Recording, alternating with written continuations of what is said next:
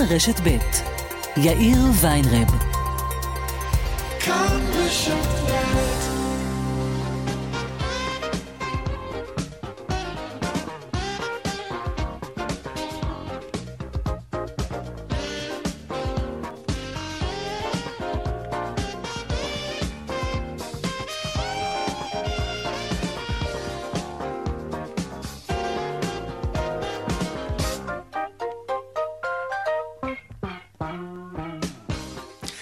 קצת אחרי ארבעה ועוד שש דקות, כאן צבע הכסף ברשת ב', יום שלישי, שלום לכם, חודש טוב, העורך רונן פולק, בהפקה עמית כהן, טכנאי השידור רומן סורקין. הדואל שלנו, אתם יודעים, כסף, כרוכית, כאן.org.il, אני יאיר ויינרב, מעכשיו עד חמש, אנחנו מיד מתחילים.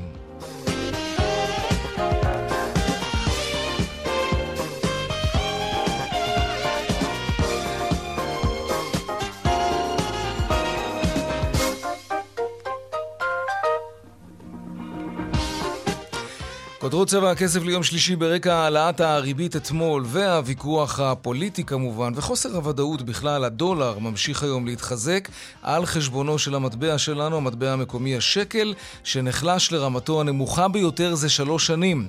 לפני זמן קצר נקבע שערו היציג של הדולר על שלושה שקלים ושישים וחמש אגורות. מיד בפתח התוכנית אנחנו נעסוק בדרמה בשערי החליפין, וזו אכן דרמה. מוקדם יותר היום, אחרי אישור החלק הראשון של הרפורמה בקריאה ראשונה, אמר נשיא המדינה הרצוג, זהו בוקר קשה ושאין תחושה של חגיגה אלא של תוגה. הנה קטע מדבריו. זה בוקר uh, קשה, כי יש איזושהי תחושה של תוגה, אין תחושה של uh, איזושהי חגיגה. יש תחושה של עצב, בגלל שהרבה מאוד אזרחים מכל רחבי החברה הישראלית הרבה מאוד אנשים שהצביעו בעד הקואליציה הזאת, והרבה מאוד אזרחים מרגישים חרדים מאוד לאחדות העם. וגם זה חלק מהסיפור. אה, בעלים של בית קפה קטן בכפר סבא טוען אה, כי בפתח בית העסק שלו תלו אלמונים כרזה עם סמל של תנועת כך, ועליה קריאה לחרם על בית הקפה. למה? כי הוא עלה אתמול לירושלים להשתתף בהפגנה נגד המהפכה המשפטית. יאקי ברוש, בן 77, סיפר כי הכרזה, כרזת החרם, נתלתה בעקבות מודעה שהוא תלה אתמול, ובה הודעה ללקוחות שלו שבית העסק יהיה סגור. הנה מה שסיפר לנו. יצאתי להפגנה אתמול, שמתי פתק על החלון, שכאילו אני בירושלים, ובבוקר אה, מתחת לדלת היה לי דף של A4 עם הסמל של אה, כהנא, היה כתוב אצל אנשים כאלה שנוסעים להפגנה לא קונים יותר. כאילו מחרימים אותי, קיבלתי צמרמורת, לאן הגענו? מה קורה לנו? מה קורה לאנשים פה? הסתגרו לגמרי. כן, ממש. בינתיים, אה, בית העסק שלו, בית הקפה של יאקי, התמלא באנשים שראו את הפוסט שהוא העלה ובאו לחזק אותו, ואת בית העסק. עד כדי כך שהוא אפילו לא הצליח לפנות זמן כדי להתראיין לתוכנית שלנו. אנחנו לא מוותרים, אנחנו ננסה להשיג אותו במהלך השעה הקרובה. עובד במסעדה בדיוטי פרי חשוד בהברחת סיגריות וטבק בשווי של 340 אלף שקלים. לעובד הזה הייתה שיטה. הוא היה רוכש כרטיסי טיסה, לא מתייצב לטיסות. אתם יודעים, יש היום טיסות ממש זולות כאלה של עשרות שקלים. עוד מעט ננסה להבין מה בדיוק הוא עשה, איך בדיוק הוא עשה. כן, עוד מעט הסיפור המלא. ועוד בהמשך, אה, היום יום המשפחה. אם שכחתם, ננסה לבדוק כאן עם אה, בעלי עסק משפחתי, איך זה הולך ביחד. כן, ניהול עסק וחיים משותפים. חיי משפחה. והדיווח משוקי הכספים כרגיל לקראת סוף השעה. אלה הכותרות כאן צבע הכסף, אנחנו מיד ממשיכים.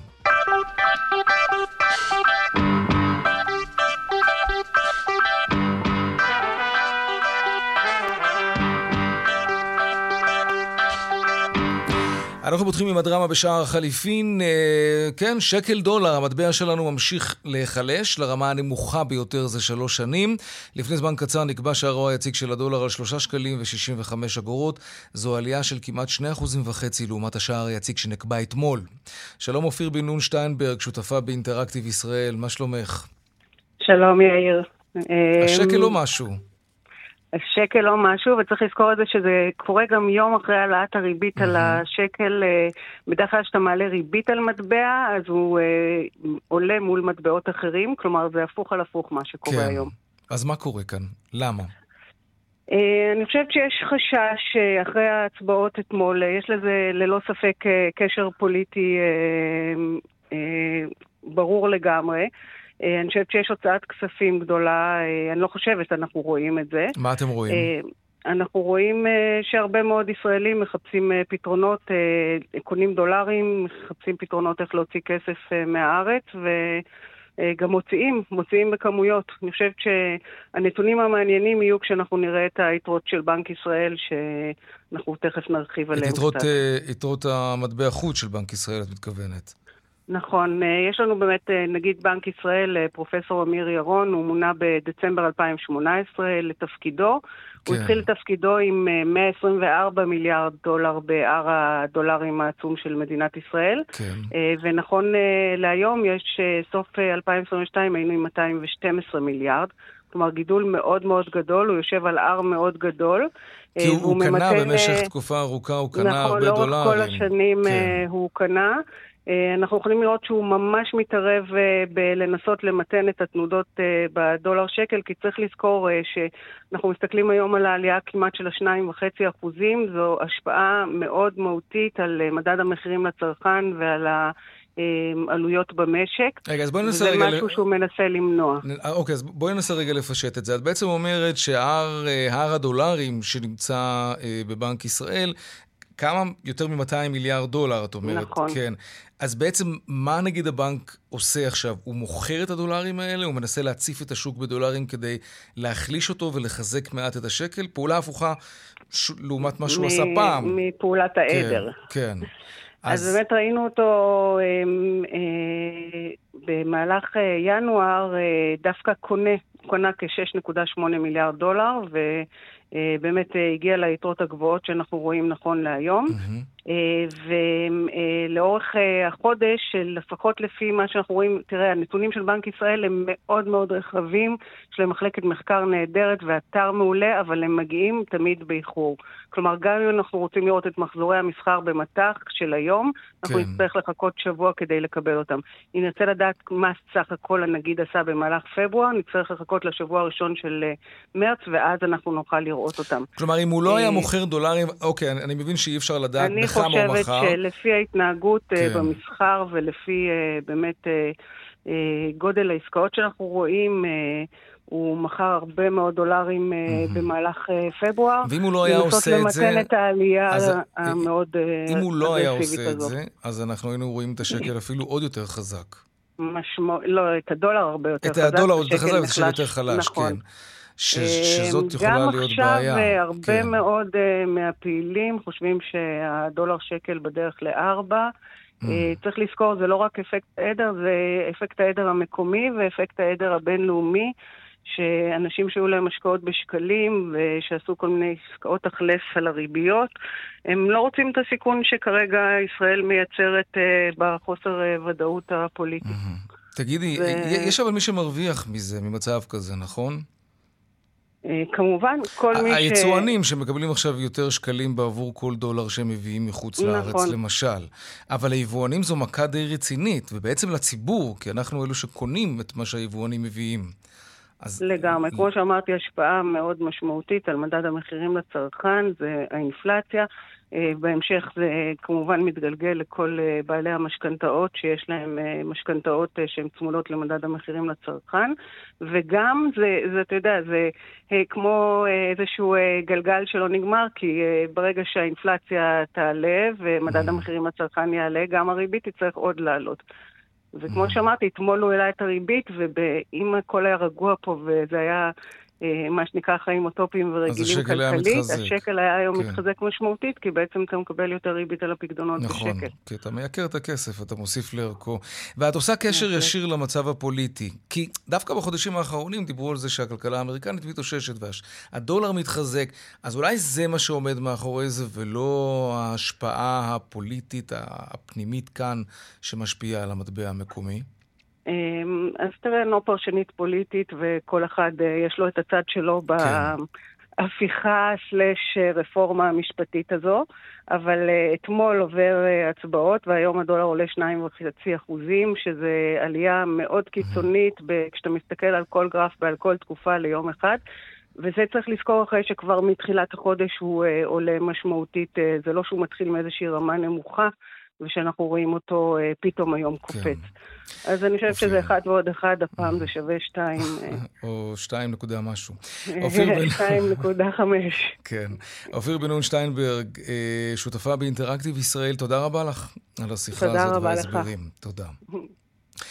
טוב, אה, מדברים עכשיו על אה, הפגיעה בעצמאות של בנק ישראל. יש חילופי דברים לא פשוטים אה, בעניין הזה בין שר החוץ אלי כהן לשר האוצר סמוטריץ', והוויכוח הזה הוא על רקע העלאות הריבית העקביות, וזו כמובן של אתמול.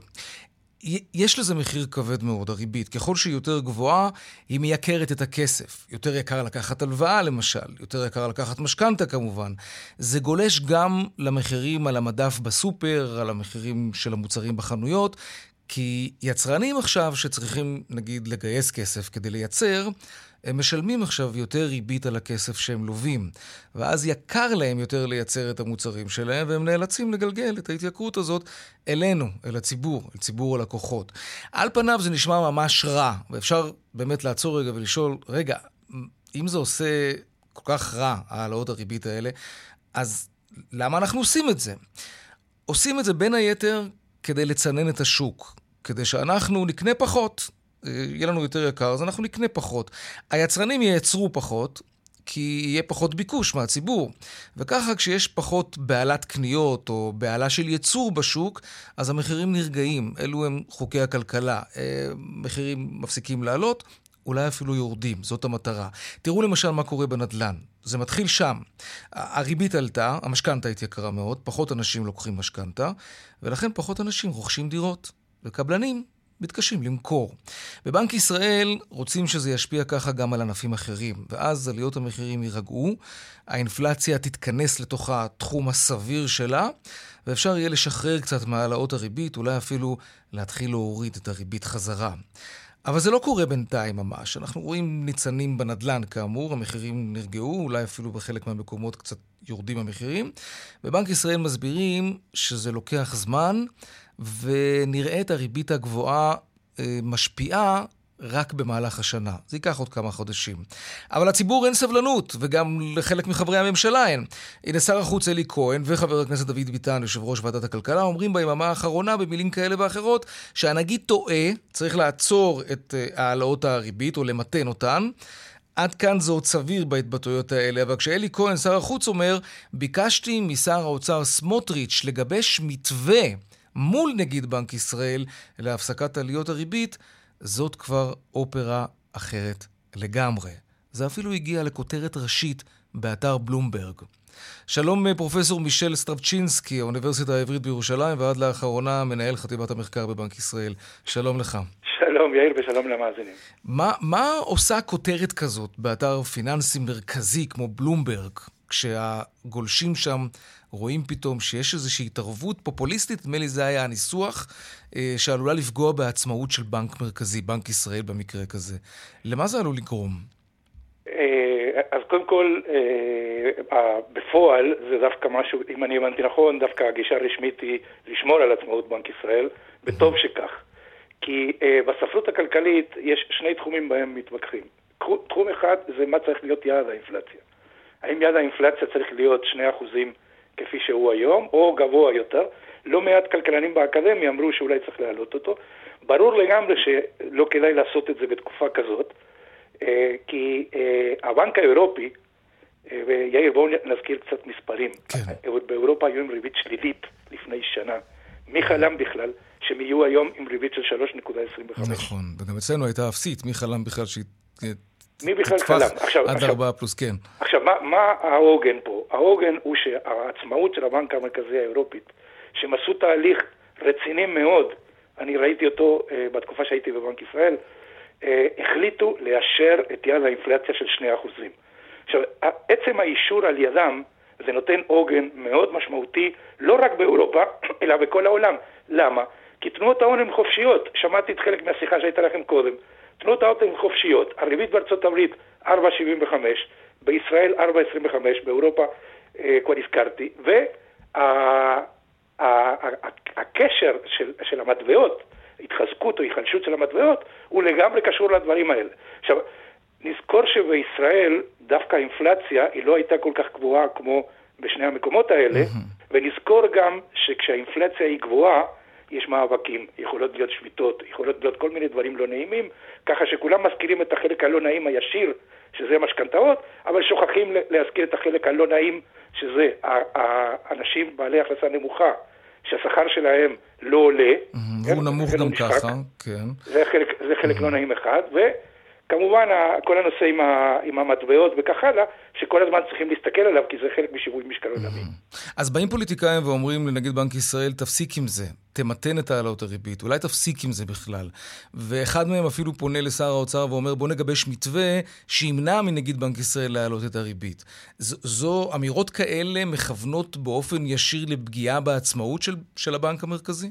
אה, כמובן, זה, זה, סכנה גדולה מאוד, שאני ממש מתנגד אליה, אבל אני מתנגד אליה מתוך מה שאנחנו רואים במציאות, שאותה עצמאות קיימת בכל הבנקים המרכזיים mm-hmm. בעולם, אז בואו נדון במקרה של ישראל. בנק ישראל הוא עובד לפי החלטת ממשלה שהתקבלה ב-2003, לאחר טראומת האינפלציה הגבוהה. באותה החלטה החליטו על, על כך שיציבות מחירים בישראל זה 1 עד 3 אחוזים. ומה שראינו בפועל זאת הצלחה אדירה. כלומר, לאורך השנים. בנק ישראל הצליח להוריד את האינפלציה לאורך זמן. נכון שרק שליש מהזמן אנחנו בתוך היעד, אבל כל הזמן עם אה, איזשהו כיוון שנחזור ליעד. אה, וזה גם המצב היום אגב.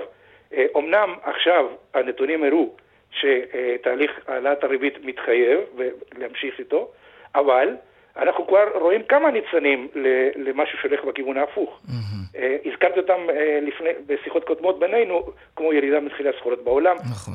מחירי הנפט שהם ברמה הרבה יותר נמוכה, ובישראל היום זה גם מחירי הדיור, שהתחילו אה, לשנות כיוון. כן, קצת נבלם, אולי אפילו לשנות כיוון, אבל ממש בקצה.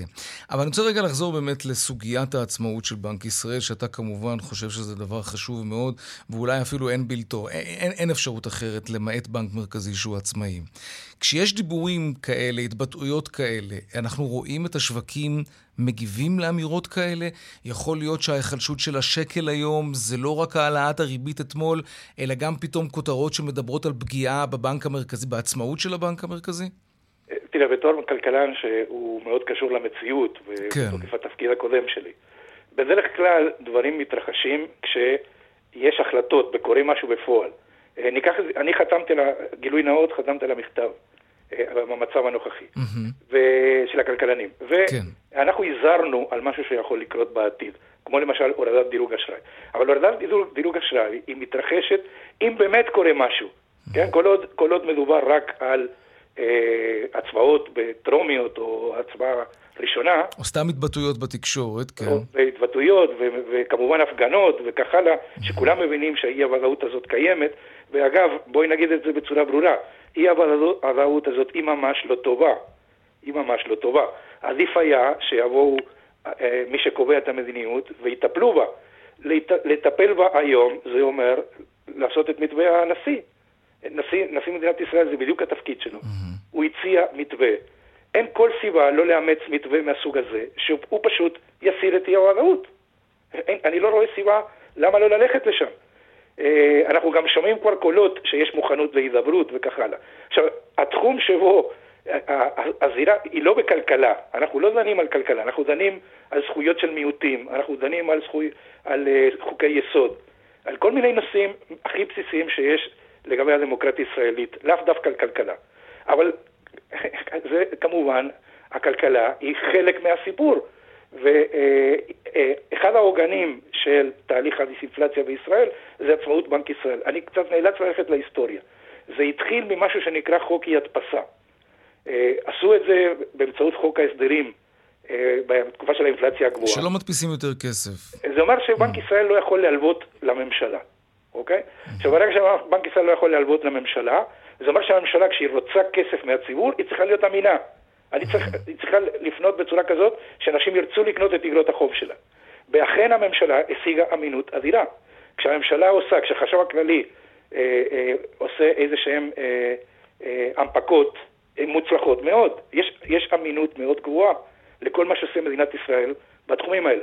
כל זה הוא בא מאותו עוגן של העצמאות הבנק המרכזי, יעד אינפלציה ברור, החלטת ממשלה עוד משנת 2003.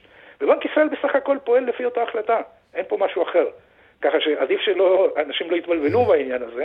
אה, אני דווקא אוהב את זה הרבה יותר בכיוון, כמו שעושים באקדמיה, שהדיון היה, האם כדאי להעלות את יעד האינפלציה או לא להעלות אותו. אה, אני בדעה שלא כדאי לעשות את זה, והסיבה היא פשוטה. אה, אם יש יעד שהוא מוגדר בצורה ברורה, אז כולם מאמצים אותו גם בהסכמי השכר, שזה אחד המשתנים שהכי מפחידים את בנק ישראל, כשהוא מסתכל קדימה, שהאינפלציה הגבוהה שיש היום, שהיא נחשבת לזמנית, היא תהפוך ליותר מתמשכת. לכן, מסר ברור בעניין הזה הוא דבר מרכזי במסגרת התהליך הנוכחי. אה, פרופסור מישל סטרבצ'קינסקי, האוניברסיטה העברית בירושלים, עד לאחרונה מנהל חטיבת המחקר בבנק ישראל, תודה רבה לך על השיחה הזאת. תודה לך. להתראות.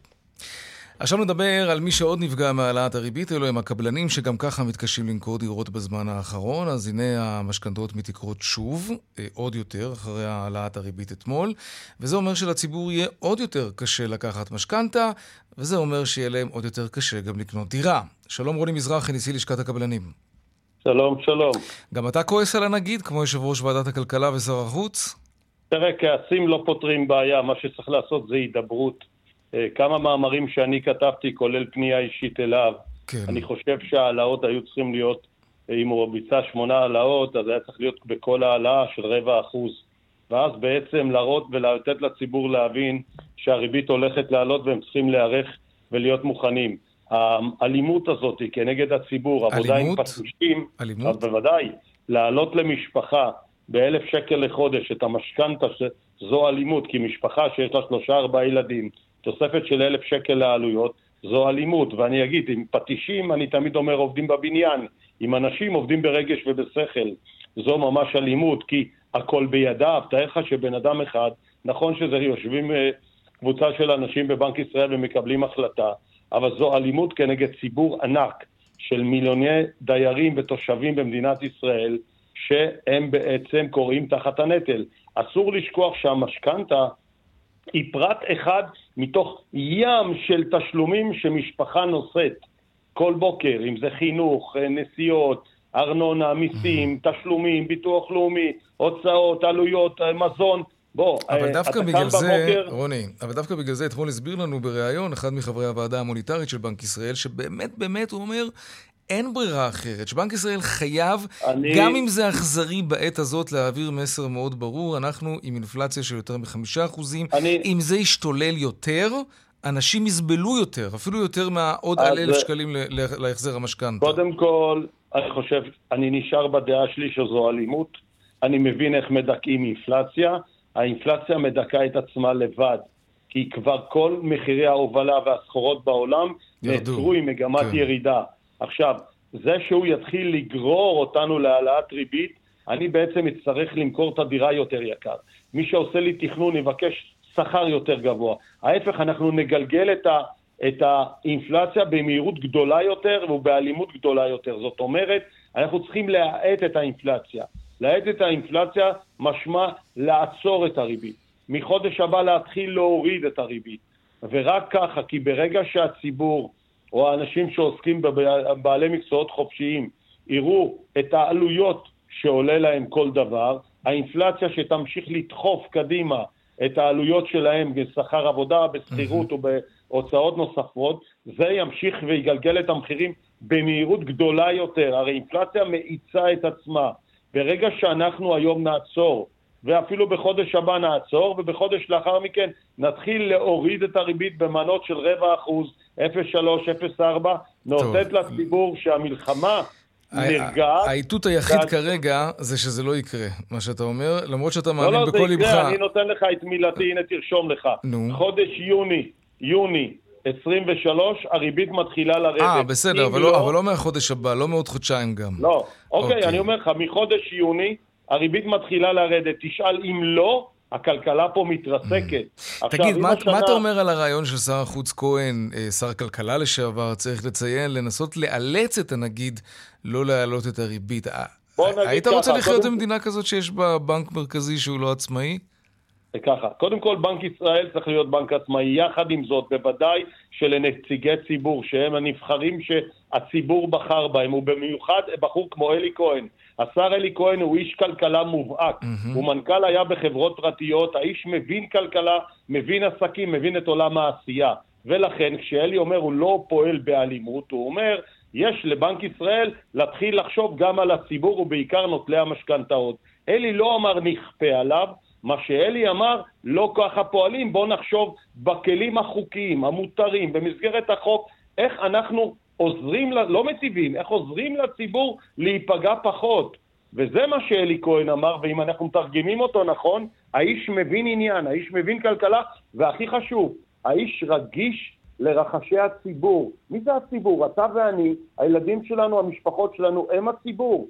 בא אלי כהן, שהאיש מבין כלכלה, ואומר, אדוני הנגיד, בבקשה ממך, תחשוב רגע על דרך אחרת, תנסה למצוא פתרון אחר. הוא לא כפה עליו, הוא אמר שלכנסת ישראל יש כלים לכפות, אבל הוא לא אמר לכפות, הוא אמר בוא נחשוב ביחד, ואתה אדוני okay. אוקיי. בראש, איך אנחנו מקלים על הציבור. Okay. אני אומר, כל הכבוד על העשייה הזאת של האיש המבורך הזה, אלי כהן, שהוא איש שחושב על הציבור והוא מבין כלכלה. רוני מזרחי, נשיא לשכת הקבלנים, תודה רבה לך. תודה, אדוני, תודה. להתראות. עכשיו, קצת דיווחי תנועה, נראה מה קורה בכבישים.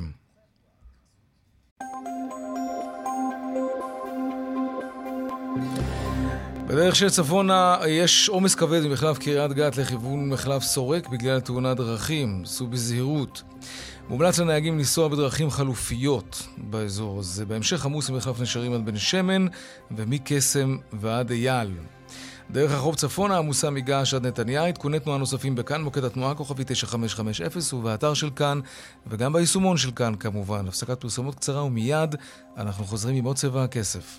וכאן גם צבע הכסף, ראש הממשלה נתניהו מצייץ uh, בחשבון הטוויטר שלו, בהמשך uh, לאייטם שדיברנו עליו קודם, על העצמאות של בנק ישראל וההתבטאויות של פוליטיקאים שמבקשים לרסן את בנק ישראל בכל מה שקשור למדיניות שלו להעלות את הריבית, אז מצייץ בנימין נתניהו ראש הממשלה, חוק בנק ישראל עבר בהנהגתי והוא מבטיח את עצמאות הוועדה המוניטרית בראשות uh, הנגיד בקביעת הריבית, ושום דבר לא ישנה את זה.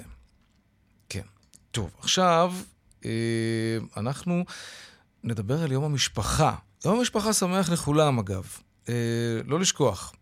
זאת הזדמנות מצוינת לדבר עם עסק משפחתי כמובן. שלום נופר ודוראל רודברג מחברת פתאל, יבוא ושיווק מוצרי ריפוד. שלום. שלום וברכה. או, עניתם ביחד. מי הבוס פה? שנינו. אוקיי, נופר, קיבלת. אז רגע, את המנכ"לית של החברה גם? כן. אוקיי, ואתה סמנכ"ל? דורל. סמנכ"ל, כן. אה, יפה, יפה מאוד. זה מעורר השראה אפילו. אה, לא, אני, אגיד, אני אומר את זה מכיוון שסטטיסטית יש יותר מנכ"לים במשק מאשר מנכ"ליות. אה, איך זה קרה? כלומר, מה, איך התגלגלתם לעסק אה, משפחתי שאתם שניכם עובדים בו? אתם מעסיקים עוד בני משפחה או שזה רק שניכם ויש לכם עובדים? אה, האמת שזה עסק של ההורים שלי כבר יותר מ-30 שנה. אמ, ישבו עלינו קצת עד שהסכמנו להיכנס לעסק. אמ, אנחנו, אימא שלי, אני ואימא שלי במשרד, אימא שלי עם המתפרה, אני יותר בענייני המשרד, ודורל כן. בחוץ. ועד לא מזמן גם אבא שלי היה בעסק, אז הוא פרש קצת לענייני לימודים וכאלה, אבל אה, כמובן שצריך אותו אז הוא גם שם.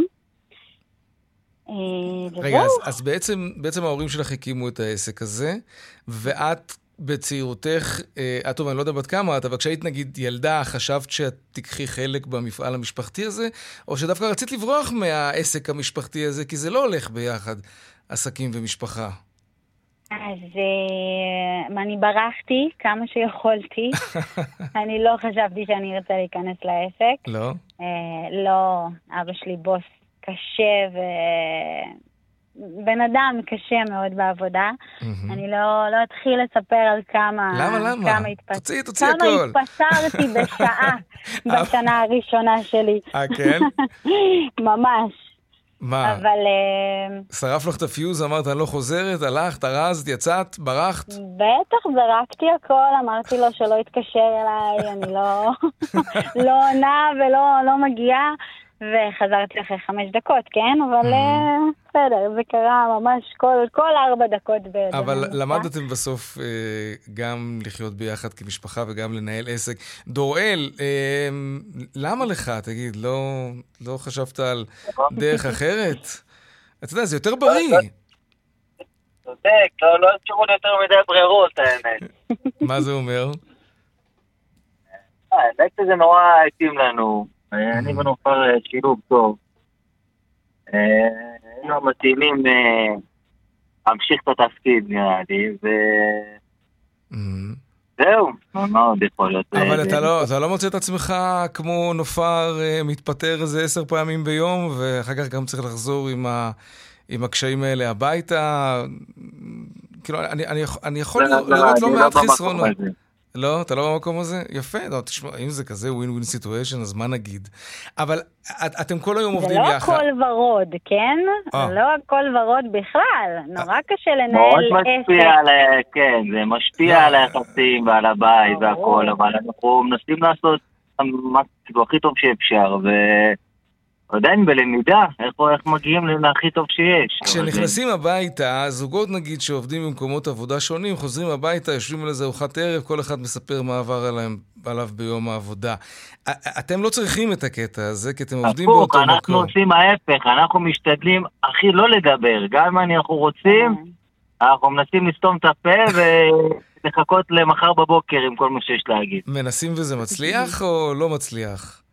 לא תמיד. הרוב כן, נראה לי שכן. תגיד, ואיזה איזה בוס איתי נופר? אבל את האמת. תרגיש חופשי. נוקשה מאוד, נו, לקחה את זה. מאבא שלה. לא פשוטה, מזל שאני עובד טוב. את ממלאת משוב פעם בשנה וזה? אם אתה רוצה העלאת שכר נגיד, איך זה עובד? יש תיבת שירות בחוץ. נהדר. טוב, תשמעו, אתם... יש לה את השיטות שלה ל- לדאוג לי. אוקיי. תגידו, מה אתם עושים בחברת פתאל, נכון? אני אומר נכון? כן. מה- זו נכון. החברה הזו? אנחנו משווקים את כל סוגי הספוג, בכל מידה, מזרוני שינה, ספות, כורסאות, מזרוני ספורט. אנחנו עושים, אה, יש לנו מתפרה, את המחלקה של המתפרה שאנחנו עושים כריות למוסדות ובתי חולים, אה, ובעצם משווקים את כל מוצרי הריפוד לרפדים ולחובבנים. תגידי, אה, אז אם כבר אנחנו מדברים קצת על הביזנס שלכם, איך התקופה הנוכחית עוברת על עסק כמו שלכם, כשהריבית מתייקרת, חומרי הגלם מתייקרים? לא פשוט, לא? חייבת להגיד, לא זה- פשוט זה בכלל. זה נוגע גם- גם לענף שלכם? בוודאי. אה, אני מאמינה שכל הצרכנים הפרטיים כבר אה, פחות הולכים לרפדים שעושים עבודות יד ויותר אה, מחפשים את מה הריהוט זה הזול. מאמינה? את צריכה להרגיש את זה לפי הביקוש אני- למוצרים שלכם. בוודאי, אני מרגישה כן, את זה, מרגישים. מרגישים. בטח, ירדה העבודה מאוד, אבל אנחנו בתקווה. שיהיה לכם המון בטוב. בהצלחה. אה, אתם, אתם נשמעים, נשמעים מקסימים, והמון בהצלחה בעסק שלכם. נופר ודורל רוטברג, פתאל, אה, יבוא ושיווק מוצרי. ריפוד. יום משפחה שמח גם לכם. תודה רבה, יום משפחה. שמח. להתראות. ביי ביי. ביי. טוב, שימו לב לסיפור הבא. אה, עובד במסעדה בדיוטי פרי, חשוד שהוא הבריח סיגריות וטבק בשווי של 340 אלף שקלים. דנה ארקצי, כתבתנו לענייני הכלכלה, שלום. שלום, יאיר. כן, אה, לא, נראה לי... הרבה כסף, זה זה הרבה לא- כסף, כן. ונראה לי שהרבה ישראלים חשבו על הרעיון לעשות את זה, לקחת הרבה אה, אה, פקטים אה, של טבק מהדיוטי פרי וללכת כן. למכור אותם בלי מס, אז הנה, יש מישהו שבאמת... אה, עשה את זה. שעשה את זה. אז הוא עובד, בד... אה, אותו בחור. הגשים ניר- להם את החלום. כן, פשוט. הגשים את החלום. לא, לא, אנחנו. חלילה לא מעודדים דברים מהסוג הזה. כן, אוקיי, מה קרה שם? אז... סליחה. אז ניר קלימי, שהוא עובד במסעדה בדיוטי פרי, הוא פשוט אה, נהג להבריח מוצרי טבק לארץ, זה על פי החשד, צריך להגיד את זה. מה שהוא עשה, הוא ניצל את כרטיס העובד שלו, שמאפשר כניסה ויציאה מהאזורים המוגבלים בשדות, בשדה התעופה. הוא רכש כמויות מסחריות של סיגריות ומוצרי טבק ללא תשלום המיסים באמצעות הכרטיס הזה, והוא פשוט... על פי החשד, מכר אותם באמצעות הרשתות החברתיות. אבל בעיקר... כדי לקנות את זה, אתה צריך כרטיס טיסה.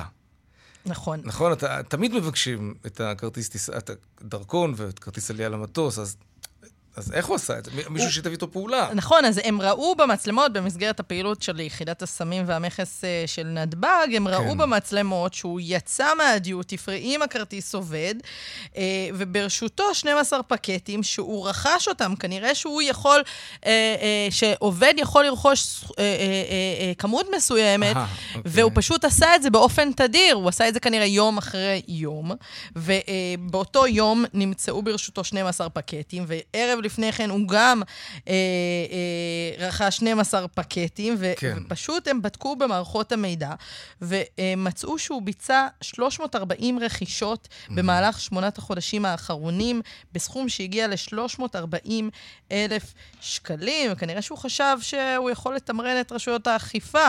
אה, אבל אה, אליו על פי החשד, שהוא רכש את הכרטיסי הטיסה האלה שאפשרו לו לרכוש. כן. אוקיי. וזה... זה עדיין יצא לו משתלם לרכוש כרטיסי אני מניח שהוא לא טס, הוא רק השתמש בכרטיסי נכון, טיסה נכון, אתה יודע, יש אה, כל מיני סוגים של כרטיסים, וזה מה שבדיוק אה, הוא עשה, כן. אה, והעביר את זה, הכניס את זה לרכב, מכר את זה בטלגרם, וככה הרוויח כן, גלגל 340 אלף שקלים. נכון. טוב, אבל נתפס בסוף. נתפס. כן, לא היה שווה. דנה ארקצי, כתבתם לענייני כלכלה, תודה. תודה.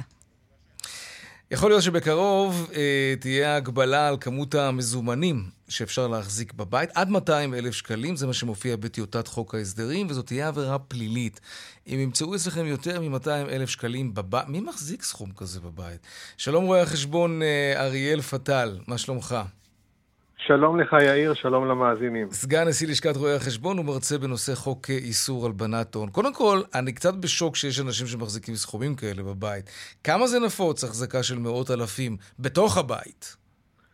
Uh, תתפלא, יש לי מאות חברים בחברה הערבית. בחברה הערבית אתה תוכל למצוא uh, אנשים שמאמינים פחות במערכת הבנקאית הישראלית, והם uh. מחזיקים סכומים של 700 אלף שקלים בבית, וזה אפילו בקרב רבים נחשב uh, לסכומים uh, נמוכים. מה אתה אומר? אתה יודע ש... איפה מחזיקים כן, את כן. זה, אגב? מה, זה כספות, תחת לבלטות, מעל השנדלי? מה, איך עושים את זה? מה, איפה, איפה מחמינים דבר כזה? בדיוק, גם וגם. גם מתחת וואו. לבלטות וגם בכספות. אתה יודע כמה סימבולי לדבר איתך בתוכנית של צבע הכסף כן. על, על מזומן. אתה יודע, מזומן הוא גם הילך חוקי. כלומר, מותר להשתמש במזומן, אבל הוא גם כלי להעלמות מס בכלל, נכון. על אלה שלא מדווחים על ההכנסה שלהם, וגם לפשיעה חמורה והלבנת הון בהיקפים של מיליארדי שקלים בשנה אה, כאן בישראל. היום יש הגבלה, אגב, על כמות הכסף שאפשר להחזיק בבית? לא. אין לא. הגבלה היום, כזאת. היום, היום אין הגבלה, יש הגבלה על השימוש במזומן, על פי חוק, החוק לצמצום כן, זה אנחנו מכירים, עסקנו הרבה, כן. שגם האכיפה שלו היא לוקה מאוד uh, בחסר, עם חקיקה שלוקה מאוד בחסר. ההצעה, כפי שהיא קיימת כיום, uh, בטיוטת החוק היא הטלת אחריות פלילית, לא סתם, פלילית, כן. על מי שמחזיק במזומן בסכום של, של 200 אלף שקלים או יותר, והרשויות יוכלו להטיל קנס בשיעור שבין 20 ל-30 אחוזים על מי שימצא אצלו במזומן בהיקפים האלה. זה יעשה את העבודה, אתה חושב? זה, זה יצליח להילחם בהון השחור? לחלוטין לא. אנחנו לא? מדברים, לא, לחלוטין לא. אנחנו מדברים ראשית על הרבה מאוד אנשים שהם נורמטיביים, שהם השיגו את הכסף הזה ביושר, ואני נוטה לכף זכות לכל מי שיש לו כסף, גם מזומן. שנית, איך יאכפו, איך יאכפו את זה? האם באמת אנשי רשויות אכיפת החוק יעברו בית-בית לחפש מזומן? ודאי שלא. אם רוצים להילחם, צריך להבין שמקור העבירות זו הפשיעה החמורה. מקור העבירות זה בכלל העובדה שמותר פה בישראל לשלם. אם תתחיל, אם תסתובב באירופה, אתה תראה למשל בלונדון, ש...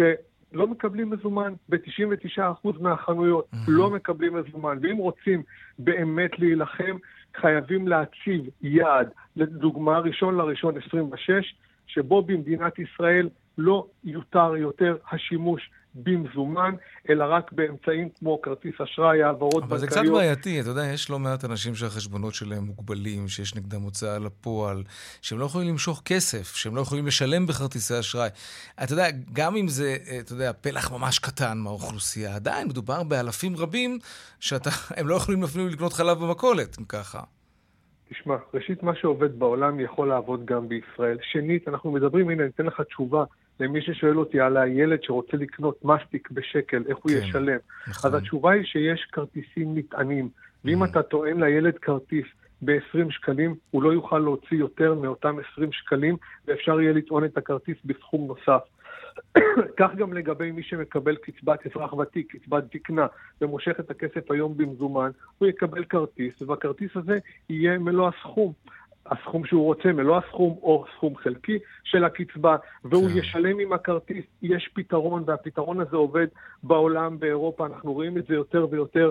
יש כבר מספר, אבל זה בעצם אותו דבר. אם, אתה אומר שאם ממשלת ישראל רוצה להילחם בהון השחור, אז היא צריכה לקבוע דיגיטציה מלאה של חיי המסחר בארץ. בסדר, אבל אז מה יעשו אנשים עם 200 אלף שקל מזומן בבית? אתה בעצם, אתה או. מונע מהם את אותו הדבר בדיוק, רק מהדרך, מהדלת השנייה. אז, אז זה בעצם אותו דבר. בוודאי, אז בוודאי שכשאני אומר לקבוע תאריך יעד, אז בשלבי ביניים, בשלבי ביניים, לאפשר לאנשים לדווח על הסכומים, לשלם מס שייקבע בהידברות, דבר שלא נעשה היום עם החברה הערבית, עם רואי חשבון בחברה הערבית שמייצגים את בעלי העסקים, שמייצגים אזרחים, עם ראשי רשויות, גם בחברה החרדית, ששם אה, נוטים לשלם במזומן בהיקפים כן. ניכרים.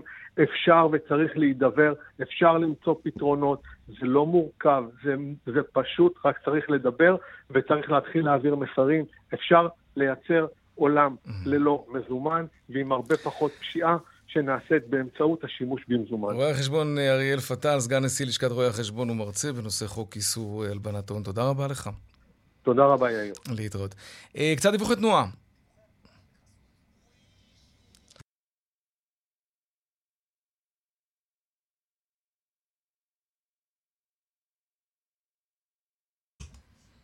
טוב, אז ככה, בדרך שש צפון העמוס מנשרים עד בן שמן ומקסם עד אייל, וממחלף בקה לכיוון אה, מחלף עין תות בגלל תאונת דרכים.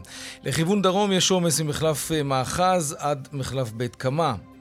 דרך תל אביב-ירושלים עמוסה מקיבוץ גלויות עד אה, מחלף שפירים ומשער הגיא עד שורש. עדכוני תנועה נוספים בכאן מוקד התנועה כוכבי 9550 וגם באתר שלנו, אתר כאן וביישומון של כאן פרסומות ומיד חוזרים עם עוד צבע הכסף. 102 200, take them. העדכון משוקי הכספים, שלום יעל ראובן, מנכ"ל טאוור מבית מגדל שוקי הון. מה נשמע, מה שלומך, מה שלום השווקים? גם לך. תשמע, שלום השווקים זה שאלה טובה בימים אלו. יש כן. פה, כמו שאומרים, הצטברות. גם אתמול קיבלנו העלאת ריבית משמעותית של חצי אחוז על ידי הבנק המרכזי הישראלי, וגם ההצבעה הראשונה ככה במליאת הכנסת לשלב הראשון ברפורמה. אנחנו במומנטום גם לא הכי חיובי מהעולם, ואצלנו בהחלט אה, נותן את אותותיו מדד הפחד, אה, ושורה תחתונה ירידות שערים. ירידות שערים אה, אפילו חדות, תל אביב 35 באחוז וחצי, תל אביב 125 באחוז ושש עציריות, אנחנו רואים את הבנקים יורדים כרגע אחוזים וחצי, הביטוח, מניות הביטוח יורדות בממוצע שלושה אחוזים, תל אביב נדל"ן מינוס ארבע, עוד נקודה שרואים שככה נותן את, ה, את הלחץ ש, שקורה מסביב, זה שהמחזורים היום אה, תפוחים וגבוהים במיוחד, אם המחזור הממוצע במסחר אצלנו במניות הוא סביב המיליארד, מיליארד וחצי, אנחנו כבר בשני מיליארד שקל של ידיים שמחליפות סחורה בכיוון שלילי. ומהצד השני אנחנו רואים את תגובת המטח. אם, אם הבנק המרכזי כן. העלה את הריבית על השקל, היינו צריכים לראות את התחזקות השקל, אנחנו רואים הפוך. הפוך. אה, כלומר, זה, אה, ו, ורואים הפוך בצורה חדה. גם אתה מייחס את זה למצב הפוליטי בין היתר? שמע, זה בעיקר המצב הפוליטי, אי הוודאות, החשש והדיבורים. הדיבורים שמובילים למעשים והציפיות שמובילות לפעולות. וכן, אנחנו רואים כרגע, אם אפילו מסתכלים רגע על הדולר, עכשיו הוא במסחר מתחזק מול השקל באחוז ושמונה עשיריות. זו סטייה חדה, חדה מאוד, זו תנועה חדה לכיוון הדולר. 100 שקלים, אנחנו רואים גם את האירו באותו יחס, האירו עולה כן. כרגע אחוז וחצי, אז אין ספק שיש פה איזשהו שילוב, אנחנו גם באיזשהו אה, אה, סייקל כלכלי של העלאות ריבית שמכביד על המשק ועל כן. השווים של החברות, אבל אנחנו גם פה באיזשהו תרחיש אה, פוליטי-מדיני שמאוד משפיע על כולם. מאוד מורכב ומאוד משפיע. כן. בדיוק, ואנחנו yeah. רואים את הביטוי לזה בשווקים ובמחירים, וזה כנראה כאן כדי להימשך. בסוף הכלכלה מונעת מציפיות, את זה צריך לזכור. נכון, ומרגשות. אייל ראובן, מנכ"ל טאוור מבית מגדל שוקי ההון, תודה. אחר הצהריים אה, טובים. גם לך, אייל. כל טוב. כל טוב. עד כאן צבע הכסף אה, ליום שלישי. כן, העורך רונן פולק בהפקה עמית כהן, טכנאי השידור רומן סורקין ומוקד התנועה אהוד כהן בופון. הדואל שלנו הוא כסף כרוכית כאן.org.il מיד אחרינו בנימיני וגואטה, אני יאיר ויינרי, משתמע כאן שוב מחר בארבעה אחר הצהריים. ערב טוב ושקט שיהיה לנו, שלום שלום.